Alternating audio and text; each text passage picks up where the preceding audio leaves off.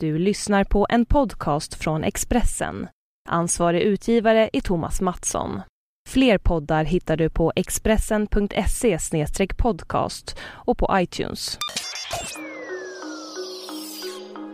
Det här är Expressen Dokument om att ursäkten till snillet kom, men 59 år för sent. Av Knut-Göran Kjellberg, som jag, Johan Bengtsson, läser upp. Drottning Elisabeth talar till britterna på självaste julafton. Hennes ärende är angeläget. Hon ber om förlåtelse. Mannen hon riktar sig till heter Alan Turing. Hans insatser förkortade Hitlers terror med ett eller kanske två år och räddade livet på tusentals människor. När kriget är vunnet behandlas han så illa att han väljer att ta sitt eget liv.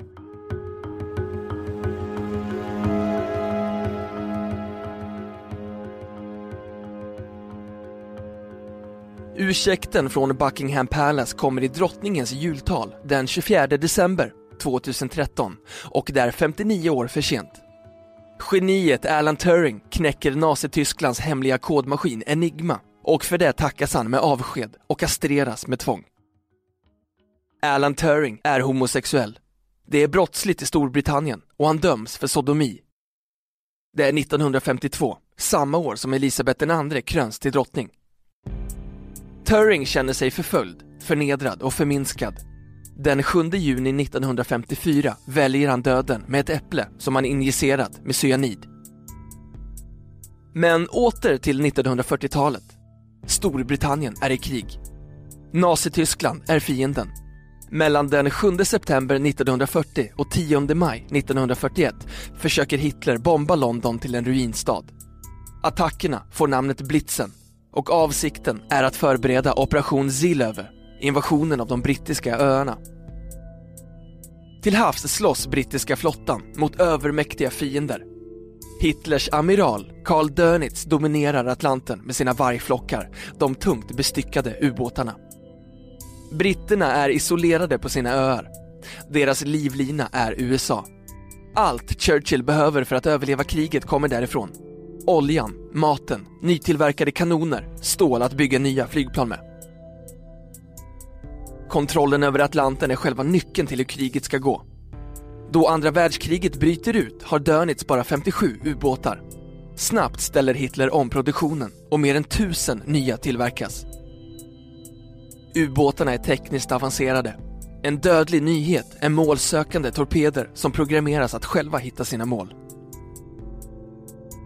Hitler tar Norge och Danmark i april 1940 och besegrar Frankrike i juni samma år. Han kontrollerar nu hela Atlantkusten. De djupa norska fjordarna är perfekta gömställen för vargflockarna. Redan i oktober 1939 har den 31-årige svenskättade kaptenen Günther Prin med sin U47 smugit in i engelsmännens viktigaste flottbas, Scapa Flow på Orkneyöarna och med tre torpeder sänkt Royal Oak, britternas stoltaste slagskepp. 833 man omkommer. Kapten Prin får hyllningstelegram av fyren. För engelsmännen är sänkningen ett svidande nederlag.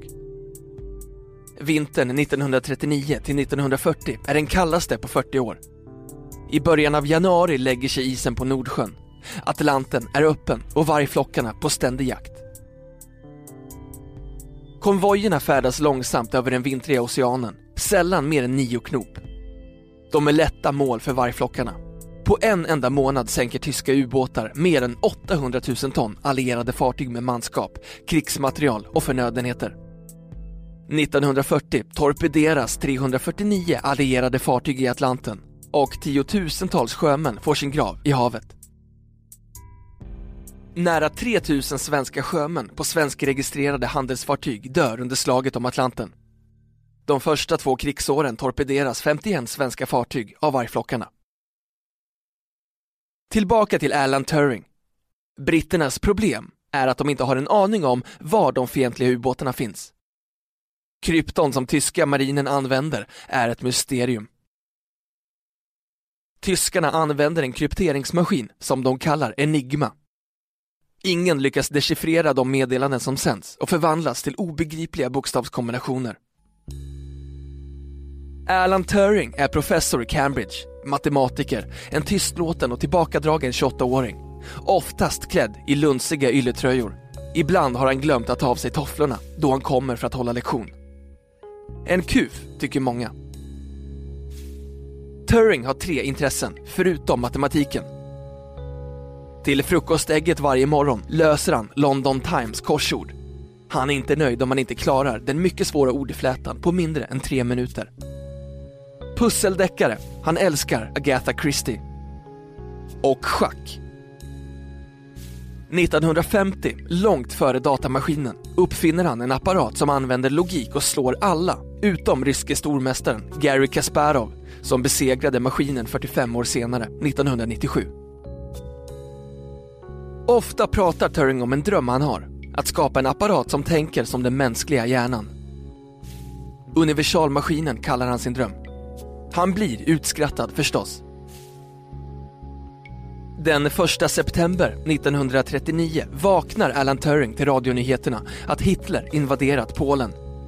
Den 3 september, samma dag som England förklarar krig, kommer ett telegram till vaktmästarstugan vid universitetet i Cambridge. Han beordras att följande morgon inställa sig i en by i Buckinghamshire, norr om London. Allt som sker i byn är superhemligt. Människorna som jobbar vid godset Bletchley Park är anställda av britternas säkerhetstjänst MI6. Värvningen till jobben är udda. Ibland ordnar någon av London-tidningarna en korsordstävling. Det är populärt, särskilt bland kvinnor. De som placerar sig i topp får ett oväntat brev från regeringen. De erbjuds jobb åt staten som kontorister. Det är krysslösarnas förmåga att knäcka klurigheter som MI6 vill åt. Under kriget jobbar 8000 kvinnor dag och natt i primitiva baracker med att renskriva och jämföra kodade textremsor och leta efter mönster. Alan Turing är chef i Hatt 8, hjärtpunkten i hjärnornas krig för att vinna slaget om Atlanten. Turings idé är att det som skickas ut från en maskin också måste kunna göras begripligt av en annan maskin. Som radio.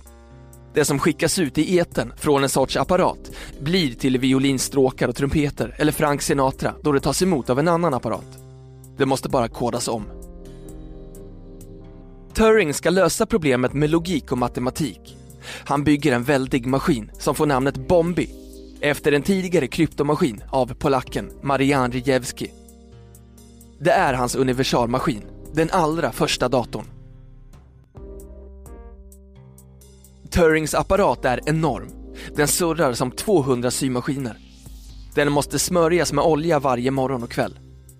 På eftermiddagarna kommer ordonanser på motorcyklar med säckvis med kodade meddelanden som radiostationer längs den brittiska kusten snappat upp. Turings maskin tickar och tickar och försöker begripa. Tyskarna har minst 100 000 Enigma-maskiner. Arméhögkvarteren, ubåtarna, Luftwaffebaserna, SS-brigaderna, Gestapo-högkvarter. Alla förlitar sig på Enigma för hemlig kommunikation. Enigma är ett mästerverk av mänsklig snillrikhet. Den ser ut som en stor skrivmaskin. Ett tangentbord, tre rörliga krypteringshjul och en panel med lampor som lyser upp bokstäver, allt eftersom bokstäver skrivs in. Krypteringshjulen har elektriska kretsar som kastar om varje bokstav till en annan. Det snillrika ligger i de oändliga möjligheter som Enigma kan programmeras till. Tyskarna känner sig trygga. De är övertygade om att ingen mänsklig hjärna kan besegra deras hemliga vapen. Alan Turing kommer på något viktigt. Tyskar är ordningsmänniskor och varje meddelande till ubåtar och krigsfartyg inleds med väderutsikter. Ordet Wetter, tyska för väder, kommer i början. Det gör att antalet möjliga inställningar av krypteringshjulen begränsas. Det blir genombrottet. Plötsligt börjar Bombi ticka fram rapporter som är livsviktiga. Ubåtarnas positioner, vilka konvojer som ska attackeras. 1942 vänder slaget om Atlanten till de allierades fördel. Konvojerna ändrar rutter eftersom de vet vad vargflockarna lurar. Brittiska flygvapnet vet exakt när tyskarnas ubåtar går ut från fjordarna i Norge eller hamnarna i Frankrike. De sänder ut bombplanen. 1942 sänker de allierade 86 tyska ubåtar. 1943 sänks 237, varav 43 i maj. Hösten 1943 ger Hitler upp slaget om Atlanten. Förlusterna är för stora. Kriget mot Sovjet är på väg mot ännu en tysk katastrof och alla nazisternas krigsresurser måste koncentreras dit. Livet efter kriget blir en tragedi för Alan Turing. Visserligen får han Imperieorden, OBE, det finaste en britt kan belönas med. Men den fina stjärnan med band i purpur får han aldrig visa. Det Turing gjort är alldeles för hemligt. Inte ens för sin älskade mamma, Ethel, får han berätta. Ett nytt uppdrag får han, att konstruera en talförvrängare som Churchill och den amerikanska presidenten Franklin Roosevelt använder då de planerar för det slutliga slaget mot Hitler, D-dagen. Han blir också en av frontfigurerna inom utvecklingen av världens första elektroniska programlagrade datorer. Han tänker andra stora tankar också och blir pionjär inom utvecklingen av artificiell intelligens och artificiellt liv. Plötsligt tar karriären stopp. Alan Turings liv består av siffror och hemligheter. Hans personliga hemlighet är att han tycker om pojkar och i Storbritannien var då homosexualitet olagligt för män, inte för kvinnor. Turing söker sig bland de prostituerade under järnvägsbron vid Oxford Street i Manchester. Ibland reser han till Paris eller Norge, där han har pojkvänner. Britternas MI6 har spioner som skuggar och rapporterar. Turing är en säkerhetsrisk. Han vet alldeles för mycket. Homosexuella män riskerar att utsättas för utpressning och kanske tvingas att avslöja statens hemligheter. Turing grips, döms för grov oanständighet till kemisk kastrering. Han får sparken, tillåts inte längre att arbeta för brittiska staten. Inte som professor heller. Livet är inte längre värt att leva för mannen som hjälpte till att krossa Hitler och rädda livet på många tusen. En sommarkväll i juni 1954 låser Alan Turing in sig i arbetsrummet i lägenheten i Wilmslow och tar en tugga på ett rött äpple. Han har förberett sin sista åtgärd i livet noga. I äpplet har han sprutat cyanid.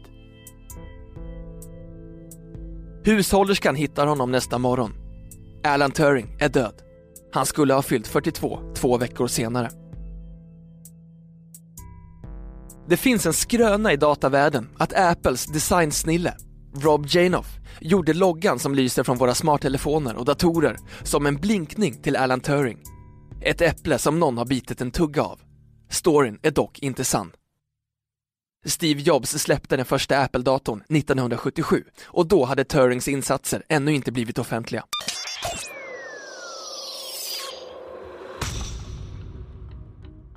Du har lyssnat på en podcast från Expressen. Ansvarig utgivare är Thomas Mattsson. Fler poddar finns på Expressen.se och på iTunes.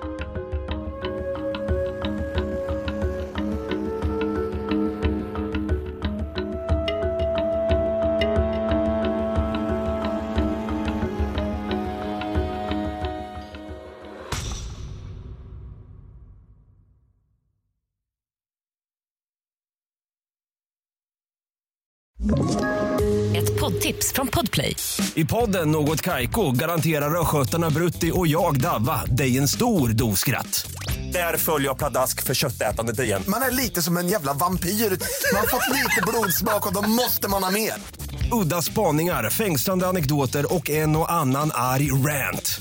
Jag måste ha mitt kaffe på morgonen för annars är jag ingen trevlig människa. Då är du ingen trevlig människa, punkt. Något Kaiko, hör du på Podplay. Därför arkadeinerna.